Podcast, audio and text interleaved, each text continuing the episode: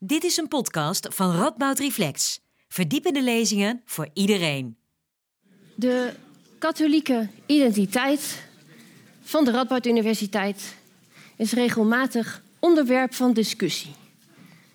Een poosje geleden bijvoorbeeld nog rondom het gebed voorafgaand aan academische plechtigheden.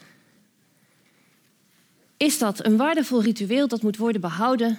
Of is het anno 2020 eigenlijk niet meer op zijn plek? En meer algemeen, in een samenleving die grotendeels seculier geworden is, is er nog wel plek voor een universiteit met een levensbeschouwelijke identiteit? Of moet er daar juist plek voor zijn?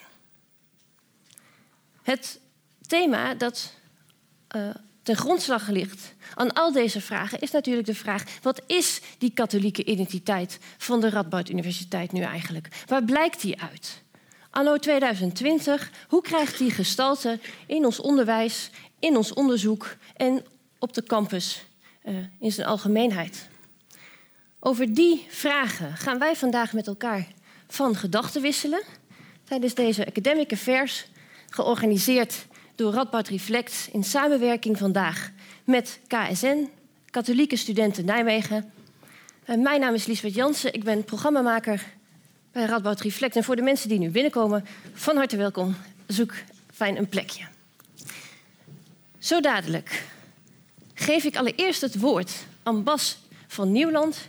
Hij is student geschiedenis aan onze universiteit en tevens lid van de KSN. En in een column zal hij bepleiten waarom voor hem de katholieke identiteit van onze universiteit belangrijk is, wat het waardevol voor hem maakt. En vervolgens is het woord aan Jan Brabers, universiteitshistoricus. En hij zal heel beknopt, in 10 minuten maar, proberen te vertellen wat de ontstaansgeschiedenis is van, van, sorry, van onze universiteit en welke rol de katholieke identiteit daarbinnen uh, gespeeld heeft. En vervolgens gaan we dus met elkaar in gesprek. Dat doen we aan de hand van een aantal stellingen die ik voor u heb voorbereid. En ik dacht, om alvast een beetje in de stemming te komen, om alvast even in uw actieve modus te komen, uh, doen we er vast twee. Twee hele korte. En daarvoor mag u even uw telefoon tevoorschijn halen, want die staan in Mentimeter. En als u dan gaat naar www.menti.com en daar deze code invoert, dan komt u automatisch bij de eerste stelling die mijn collega nu ook op het scherm zal laten verschijnen, namelijk de katholieke identiteit van de Radboud Universiteit maakt dat ik me hier minder thuis voel. En u kunt dan stemmen met eens of oneens.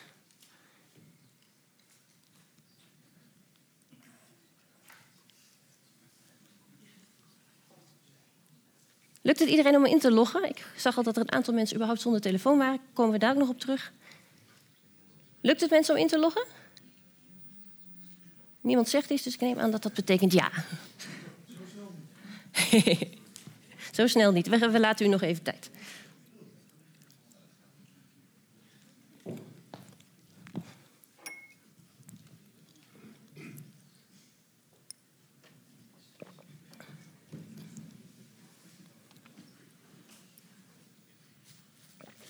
Nou, um, er zijn nog steeds mensen aan het stemmen, dat is prima. Maar omdat we toch een beetje haast hebben, we hebben in totaal maar drie kwartier, ga ik verder naar de volgende stelling. Want ik denk dat het evenwicht niet meer heel anders gaat worden dan het nu is. De meeste mensen zeggen: Ik ben het met deze stelling oneens. Dus uh, dat de Radboud Universiteit een katholieke identiteit heeft, maakt niet uh, dat ik me hier minder thuis voel. Bas, volgens mij ben je trouwens, dit is de tweede stelling. We hebben de eerste gemist. ja, dat was de eerste. Nou, mag u nog een keer. Ik voel me verbonden met de katholieke identiteit van de Radboud Universiteit. Krijgt u een andere? Nou. Komt nu de goede, want sommige mensen zijn wel aan het stemmen. Ja, heel goed.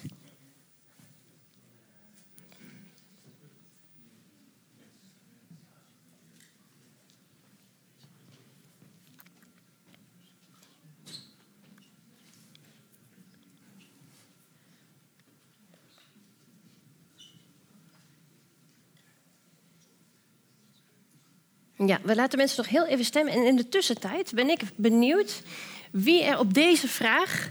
Uh, ik voel me verbonden met de katholieke identiteit van de Radboud Universiteit... met ja geantwoord heeft. En wie heel even in anderhalf woord, en heel kort zou willen zeggen... waarom hij of zij ja gezegd heeft.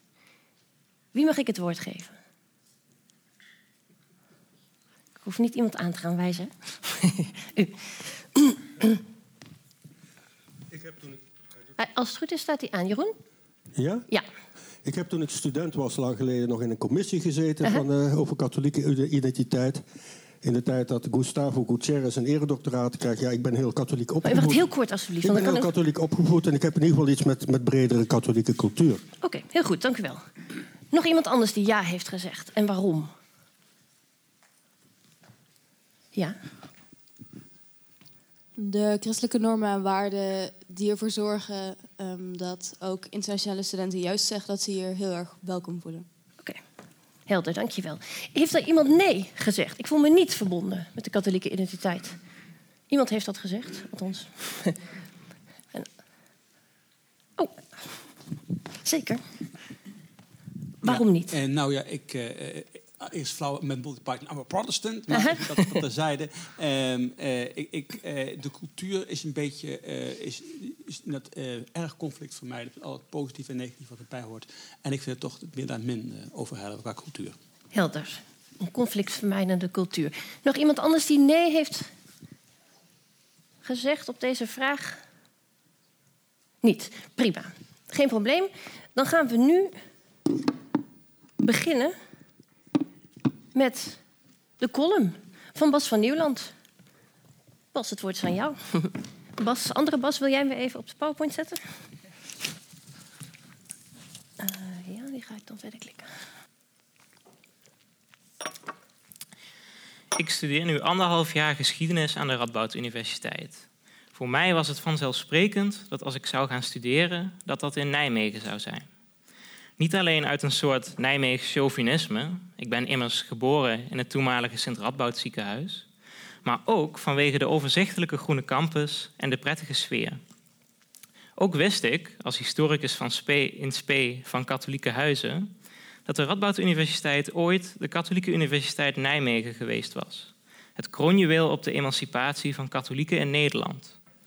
Het verbaasde me enigszins dat medestudenten daar niet van op de hoogte waren toen ik dat een keer ter sprake bracht. Als we bijvoorbeeld naar het logo van de universiteit kijken, zien we daar namelijk nog steeds de Heilige Geest en een kruis. Ook zijn de beeldenissen van prominente katholieke denkers, zoals Thomas van Aquino en Desiderius Erasmus, op de campus te vinden. En hoeveel Nederlandse universiteiten kunnen nou zeggen dat een voormalig rector door de Rooms-Katholieke Kerk zalig verklaard is en in de nabije toekomst mogelijk heilig verklaard zal worden. Ik heb het natuurlijk over Titus Bransma. Voor wie het actief opzoekt, zijn er nog meer aanwijzingen te vinden. We hebben bijvoorbeeld het Katholiek Documentatiecentrum, dat de archieven van katholieke personen en instellingen in Nederland bewaart. Geschiedenisstudenten krijgen daar aan het begin van hun opleiding een rondleiding. Ik besloot na die rondleiding om me daar aan te melden als vrijwilliger waarna een wereld voor mij openging. Dan pas wordt duidelijk hoe ontzettend veel expertise Nijmegen nog altijd heeft op het gebied van katholicisme. Ook in mijn opleiding merk je deze expertise in de keuzes die er worden gemaakt. Toekomstige Nijmeegse historici kunnen u als het goed is genoeg vertellen over bijvoorbeeld de bijdrage van de katholieke kloostertraditie aan de wetenschap of over de katholieke missie in Indonesië. Het is niet zo dat er een katholiek perspectief op de geschiedenis wordt gegeven, maar zoals het historici betaamt, een kritische en inhoudelijke invulling met een accent vanuit de eigen expertise. Het is jammer dat maar weinig studenten zich bewust zijn van de katholieke identiteit van de Radboud Universiteit. Niet alleen omdat het gezond is om een beetje historisch perspectief te hebben, maar ook omdat de katholieke identiteit iets is waarmee de Radboud Universiteit zich op een positieve manier kan onderscheiden. Ik vind het jammer dat in de huidige discussie de katholieke identiteit wordt afgeschilderd als iets benauwends. De katholieke identiteit is namelijk juist iets heel dynamisch, dat niet alleen voor katholieke studenten van betekenis hoeft te zijn. Het katholicisme, het religieuze aspect van de katholieke identiteit, is zeker niet onbelangrijk en voor mij als katholiek van grote betekenis. Maar de katholieke identiteit is nog zoveel meer. Wanneer studenten gevraagd wordt naar de katholieke identiteit, zeggen zij daar vaak weinig van te merken. Maar vraag naar wat volgens hen de Radboud Universiteit onderscheidt van andere universiteiten en ze komen met tal van positieve punten. De toegankelijke sfeer en het thuisgevoel op de campus, de grote maatschappelijke betrokkenheid, het menselijke karakter van de universiteit.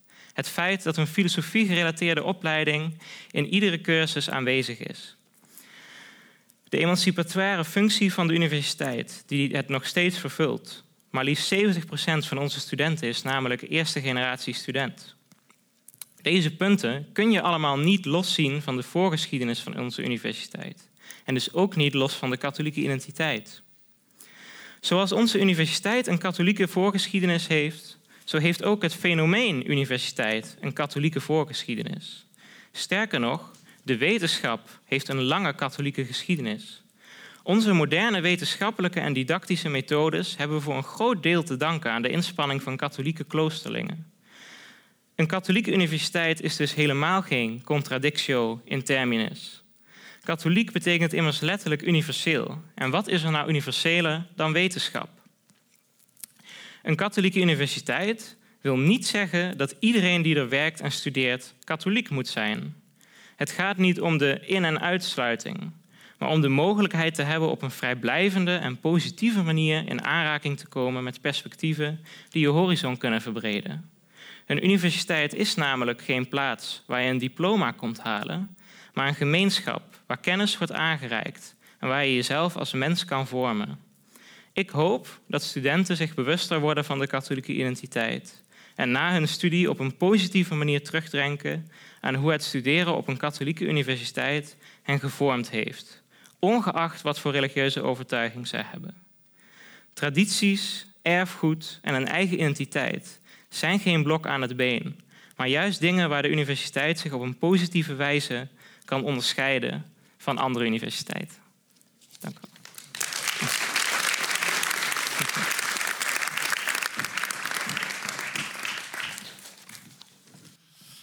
Nou Bas, je hebt heel wat gras voor mijn voeten weggemaaid. Dat scheelt. Ik moet in tien minuten de geschiedenis van de Radboud Universiteit uit de doeken doen. Dus het wordt een minuscuul kort vogelvluchtje, zo heb ik het genoemd. De katholieke universiteit, toen die gesticht werd op 17 oktober 1923, gold inderdaad als de kroon op het werk van de katholieke emancipatie.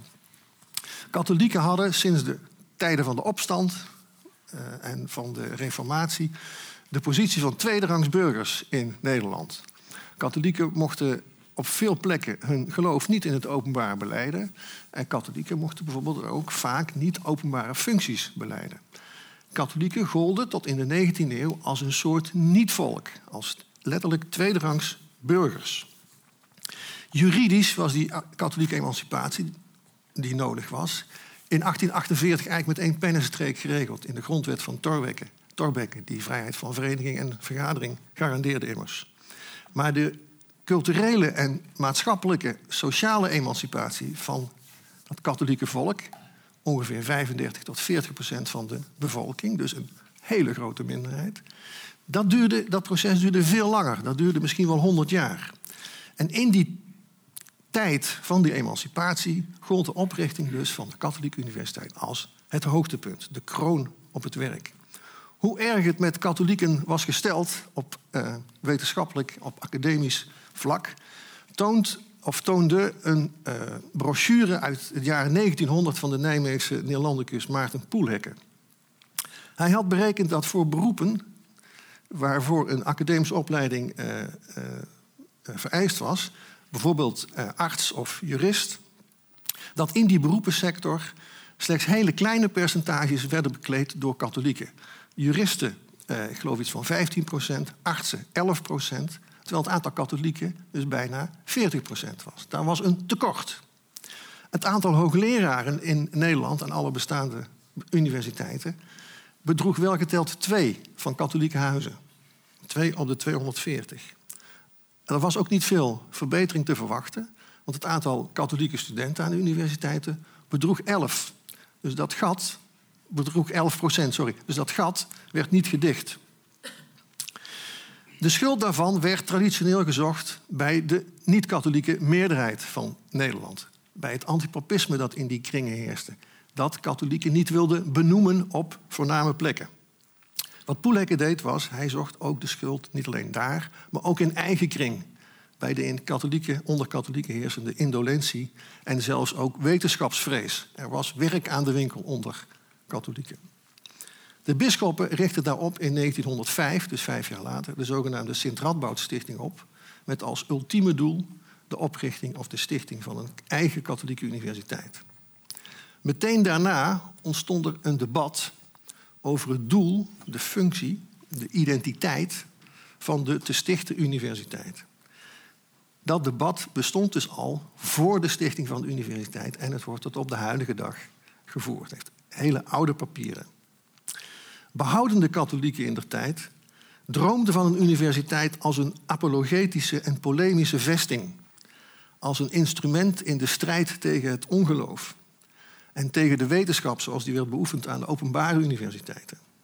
als een concurrent.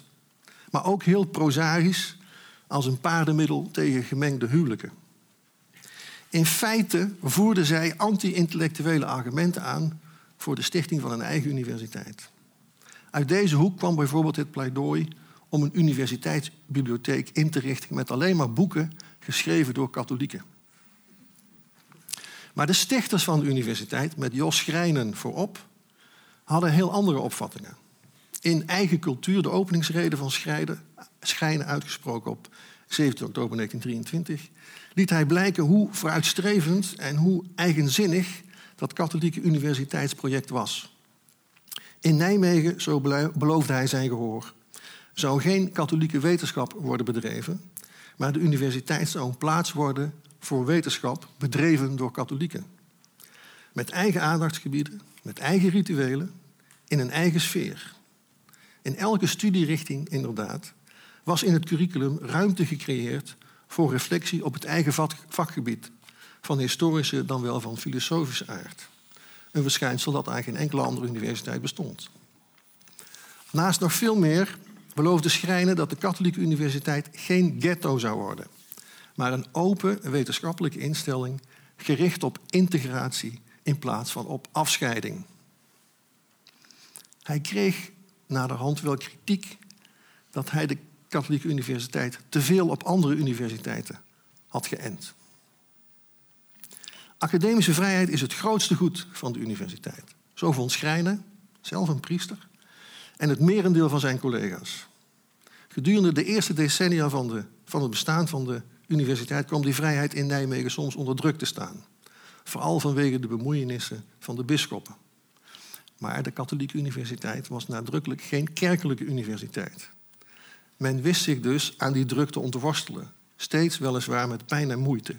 Ook dat was een vorm van emancipatie. Het studentenleven in Nijmegen was grotendeels, net als de universiteit tot op zekere hoogte, een kopie van elders. Maar wat de komaf van de studenten betrof, week de Radboud Universiteit af van haar zusterinstellingen. Veel minder dan elders kwamen Nijmeegse studenten uit de hoogste klasse. Veel meer dan elders kwamen Nijmeegse studenten uit de middenklasse. De Radboud Universiteit trok veel zogenaamde eerste generatie studenten. Jonge lui die als eerste in hun families een universiteit bezochten. Zonen en dochters van onderwijzers, van winkeliers, en van andere middenstanders, van middelgrote boeren. De katholieke emancipatie had vooral ook een sociaal karakter. Opvallend was trouwens de aanwezigheid in de vooroorlogse jaren van een dertigtal studenten van protestantse huizen, over inclusiviteit gesproken. Dan maak ik een sprong nu van een halve eeuw, naar het begin van de jaren zeventig. De katholieke emancipatie was min of meer afgerond, zo gold het toen. Bovendien waren kerk en maatschappij in der tijd volop in beweging. Er was sprake van snelle ontzuiling en ontkerkelijking. Dat al ging aan de universiteit uiteraard niet ongemerkt voorbij.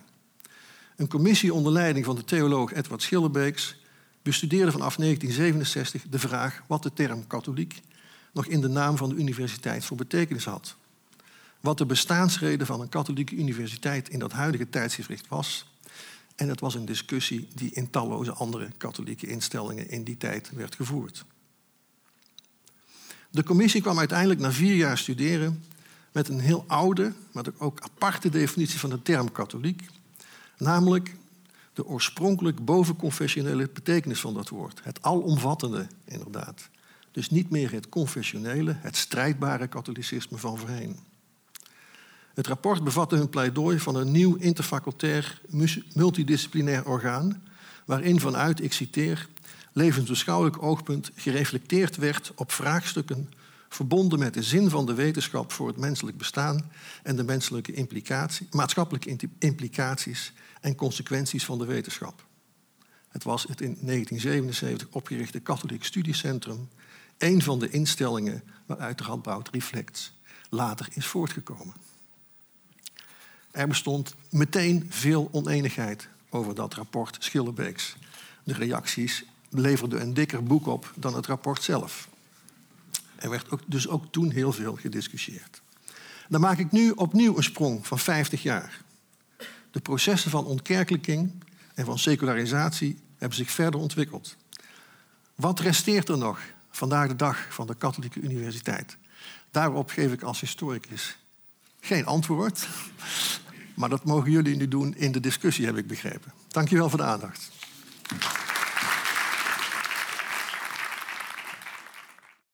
Voor nu wil ik heel graag mijn sprekers bedanken. Jan Brabers en Bas van Nieuwland.